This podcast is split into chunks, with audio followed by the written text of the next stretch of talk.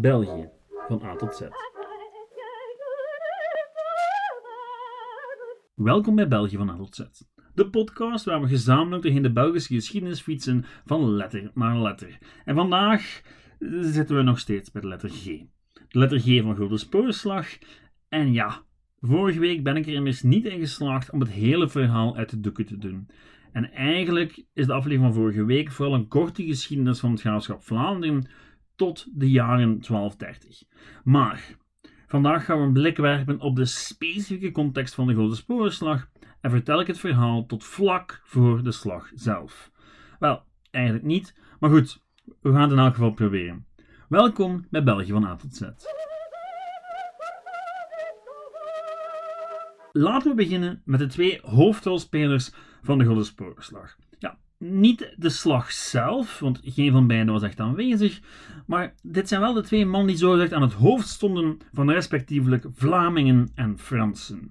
De realiteit is natuurlijk een stuk ingewikkelder, maar er bestaat een versie van de Gulden Sporenslag waar het vooral tussen die twee personages gaat. Tussen de graaf van Vlaanderen aan de ene kant en de Franse koning aan de andere kant.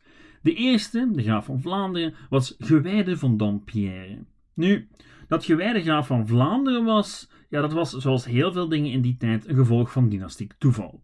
Want ja, wettelijk gezien was Gewijde slechts de vijfde in lijn, maar door heel wat politieke konkel en het overlijden van zijn broer werd Gewijde uiteindelijk graaf van Vlaanderen. Een ander gevolg van dat politieke konkel en de oorlog die eruit volgde, was dat Vlaanderen en Henegouwen op, opgesplitst werd.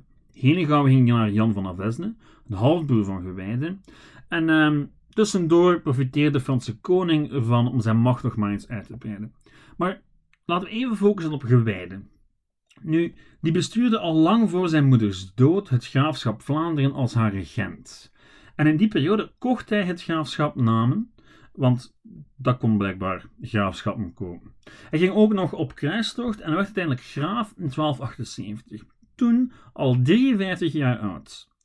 Wat natuurlijk wil zeggen dat Gewijde tegen de tijd dat de problemen in Vlaanderen echt serieus werden en er gevochten moest worden, ja, dat hij niet uh, in zijn wonderjaren was, maar dat hij veel van het vechten moest overlaten aan zijn zoon, Robrecht van Bethune.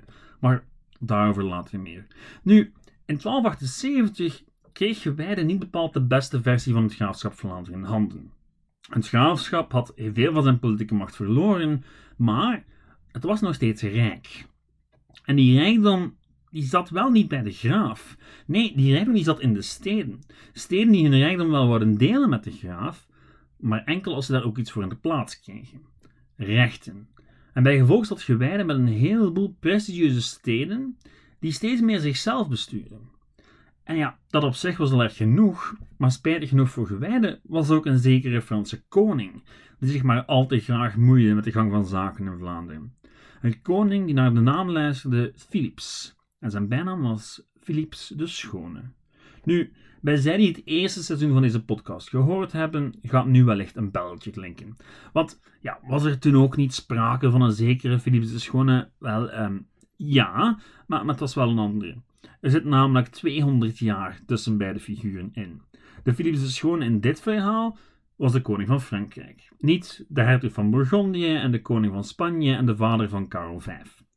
In het Frans is die verwarring op elegante wijze opgelost door de ene Philippe le Bel en de andere Philippe le Beau te noemen, maar in het Nederlands, ja, daar zitten we ermee.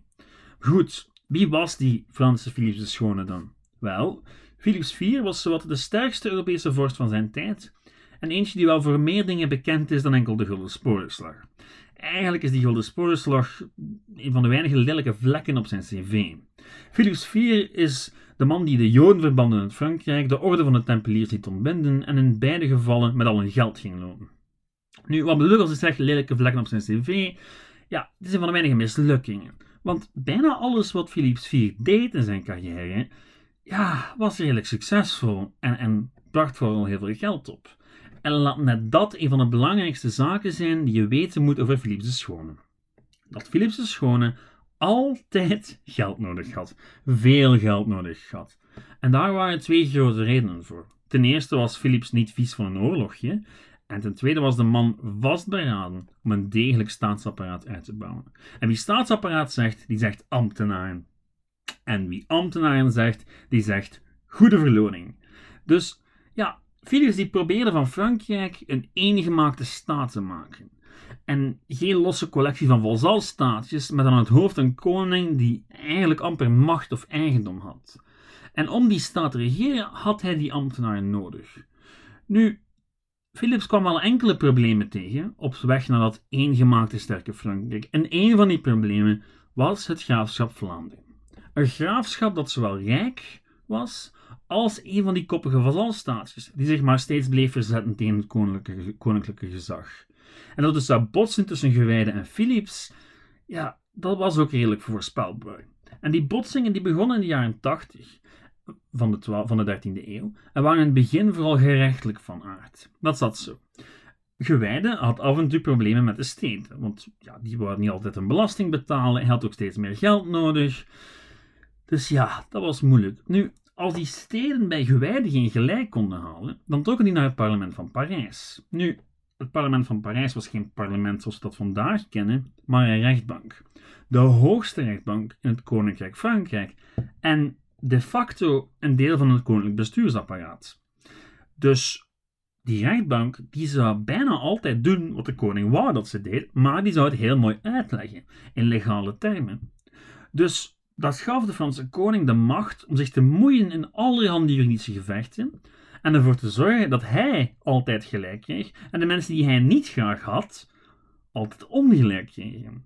En dat geldt trouwens niet alleen voor de, voor de Vlaamse graaf, maar ook voor de hertog van Aquitanië. Nu, uh, wie was de hertog van Aquitanië ook alweer in die periode?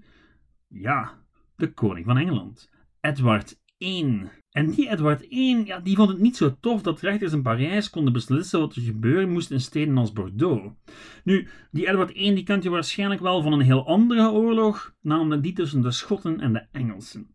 Je weet wel, die oorlog met William Wallace, gespeeld door Mel Gibson, in die historisch ongelooflijk incorrecte film uh, Braveheart. En Edward I's bijnaam was Malleus Scotorum, vertaalde het Latijn Hamer van de Schotten. Dat is een pracht van een bijnaam. En ja, net als Philips, dus geen katje om zonder handschoenen aan te pakken. Goed, terug naar Philips. Bovenop de juridische kwestie begon hij in de jaren 90 ook nog eens te prutsen met het geldbeleid. En ja, dat lijkt echt een van de belangrijkste oorzaken van de Vlaamse opstand in de zogenaamde Sporenslag te zijn. Want die Philips die verbood namelijk munten in het Heilige Roomse Rijk en zette een hele hoge wisselkoers voor de Engelse pond in de hoop zo iedereen in het Rijk te verplichten zijn eigen munten te gebruiken. Dat klinkt banaal en saai, maar in combinatie met belastingen op export en verplichte leningen betekende dat eigenlijk wel de virtuele doodsteek voor de internationale handel. Um, en het werd nog erger toen Philips zijn eigen munt begon te ontwaren en de overschot in eigen zak stak. En, weet u nog welke Franse vazal heel erg afhankelijk was van de handel? Juist ja, Vlaanderen. Of, zoals graaf Gewijde het formuleerde in 1297, wat het graafschap doet leven, zijn de goederen waarvan we gewoon zijn dat ze aangedragen worden vanuit alle delen van de wereld, over land en via de zee, onder bescherming van de graaf. Welnu, die handel hebt u vernietigd. De aanklacht ging verder en beschreef hoe de maatregelen van Philippe het o zo welvarende Vlaanderen naar de afgrond aan het drijven was. Het mogen duidelijk zijn, Gewijde had een probleem en het droeg de naam Philips. Nu, gelukkig voor hem was er nog iemand met exact hetzelfde probleem. Edward I van Engeland. En die raakte in 1294 slaags met Philips na een discussie over een vechtpartij tussen zelen. Nu, eh, ik bespaar de details. Feit is dat beide vorsten wel zin hadden in een oorlog. En zeker Philips. Dus, bij gevolg verzamelden beide koningen een leger bondgenoten. En natuurlijk wou Edward de graaf van Vlaanderen strikken. De graaf van een graafschap dat het sowieso al moeilijk had met het beleid van Philips, maar voor wie het stoppen van alle handel met Engeland, ja, echt ellende zou betekenen. Economische ellende, sociale ellende en dan nog eens politieke ellende. Dus werd er onderhandeld over een alliantie. En in de middeleeuwen betekenen onderhandelingen over een alliantie onderhandelingen over een huwelijk. In dit geval een huwelijk tussen de Engelse kroonprins Edward en een van Gewijde's dochters. Nu, terwijl de onderhandelingen bezig waren, werd Gewijde tussendoor naar Parijs geroepen, waar de koning hem ervan beschuldigde paarden en krijgslieden aan Edward te leveren. En ehm, vervolgens gewoon gewijde en zijn twee zoons opsloot.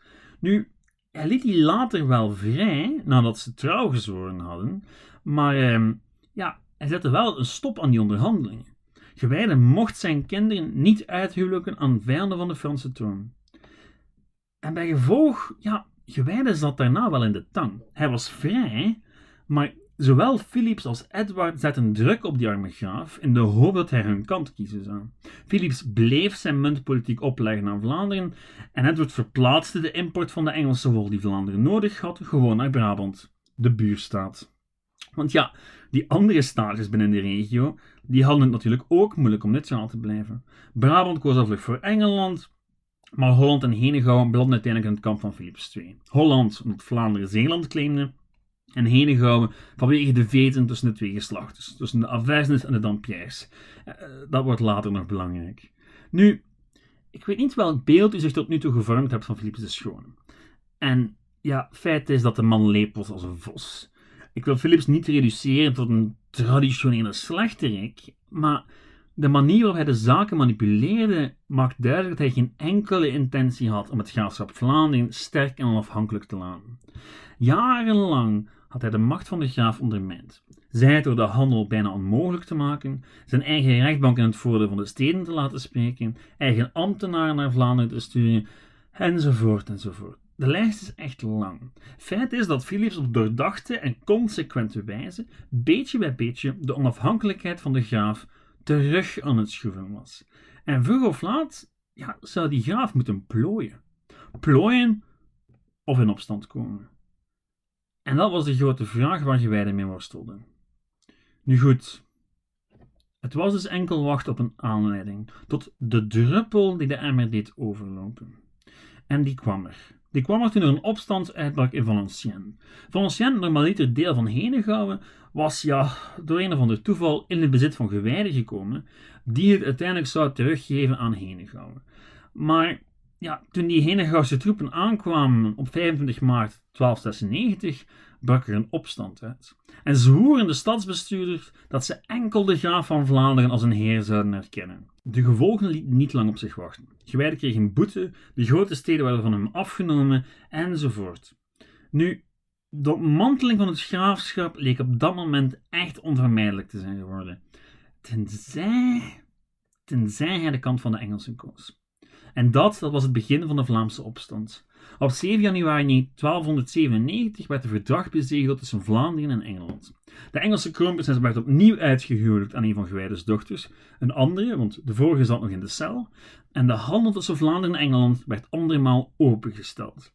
Allemaal erg leuk, maar Gewijde moest natuurlijk wel proberen uitleggen waarom hij zijn eden aan de Franse koning gebroken had. En dat deed hij in een brief waar ik tevoren al een stukje uit voorlas. Daarin had hij het over de muntpolitiek, ondermijning van het graaflijk gezag, van Ancien, het opjutten van de steen enzovoort. En Philips, ja, die verklaarde dat Gewijde in zijn ogen niet langer graaf van Vlaanderen was en hij eiste Vlaanderen op als eigendom van de Franse kroon. En daarmee was de kans af, min of meer. In de praktijk waren er nog een heleboel gerechtelijke procedures, maar daar ga ik u niet meer lastigvallen. Nu, toegegeven, het blijft mij verbazen hoe belangrijk de letter van de wet vaak was in de middeleeuwen. Maar dat terzijde. Er zou dus een oorlog komen. Wat wil zeggen dat Gewijde dringend geld nodig had. En in Vlaanderen betekende dat dat hij de steun van de steden nodig had. Iets wat Philips ook doorhad. En dus kreeg je een vreemde strijd om de loyaliteit van de steden. En die steden, ja, die deden eigenlijk heel erg hun best om neutraal te blijven. Om zich niet al te veel te moeien. En ze zouden achteraf wel zien wie er zou winnen. Nu, dat betekende dat Gewijde heel afhankelijk was van zijn bondgenoten. Bondgenoten die begonnen te twijfelen en uiteindelijk bitter weinig deden. De graaf van Bar werd verslagen in juni toen hij Champagne binnenviel. De Duitse koning sneuvelde uiteindelijk in een oorlog tegen de Habsburgers. En Edward I, ja, die had het heel druk met de Schotten. Dus stond Gwijde er ondanks alles toch alleen voor. En, en natuurlijk liep dat niet goed af. De Fransen marcheerden het graafschap binnen en het Vlaamse leger onder leiding van Robert van Bethune, de zogeheten Leger van Vlaanderen en uiteindelijke opvolger van Gewijde, ja, die kon maar weinig beginnen tegen de Franse overmacht. Maar er kwam wel hulp. ietsje te laat al, maar er kwam wel hulp. Hulp in de vorm van Edward I, die met een leger van circa 7000 man voetvolk en 900 ridders het graafschap kwam redden. En Edward die maakte van Gent zijn basis en wachtte op de onvermijdelijke veldslag die de oorlog beslissen zou. Uh, een veldslag die nooit komen zou. Want tegen september ja, zat alles vast. Zowel Kortrijk als Rijssel waren gevallen. En toen Brugge zich uiteindelijk overgaf, ja, zag het er niet zo goed uit voor Gewijde. Robrecht wist dan nog wat te heroveren, maar zelfs Gewijde wist dat het tijd was om te onderhandelen. Dat het tijd was voor diplomatie. En gelukkig voor Gewijde was er de paus. De paus kwam tussen beiden en onderhandelde een wapenstilstand. Een wapenstilstand die drie jaar zou duren. Drie jaar waarin koning en graaf hun problemen zouden kunnen uitwerken. Of niet. Nu, de paus was in elk geval van plan om een einde te maken aan dat noodloze oorlog tussen christenen. Als het aan hem lag, ja, dan marcheerden, marcheerden die vorsten beter samen op richting het Heilige Land. Nu, terwijl er onderhandeld werd, versterkten beide partijen hun positie in Vlaanderen. Want die wapenstilstand mocht wel betekenen dat er niet langer gevochten werd. Ja, dat wil niet zeggen dat de helft van Vlaanderen niet bezet was. En de andere helft, ja, daar zaten de Engelsen. En die bleven nog even hangen. Al was het wel duidelijk dat er heel wat spanningen waren tussen de Vlamingen en hun bondgenoten. Of om het met de woorden van Lodewijk van Velten te zeggen, uh, in het Oud-Nederlands, met haren wieven wilden ze daarnaar, of met haren dochter legen. En de wilden zijt hem dan ontzegen, zo dreigden Sisse en sloegen ze mede. Hieraf kwam daar grote pijnlijkheden en de verdriet in beiden zien. Vrij de Engelsen konden zich moeilijk bedwingen bij het aanschouwen van de Vlaamse meisjes, en dat leidde tot vechtpartijen. En een paar sterfgevallen waarschijnlijk. Die alliantie liep dus niet van een lijn dakje, en Philips de Schone zou niet Philips de Schone geweest zijn als hij daar geen gebruik van had gemaakt. Want Edward, ja, die zat nog steeds met een Schots probleem. Een probleem dat niet opgelost werd door in Gent te blijven zitten. Dus wat deed Philips? Ja, die onderhandelde een vredesakkoord met Edward.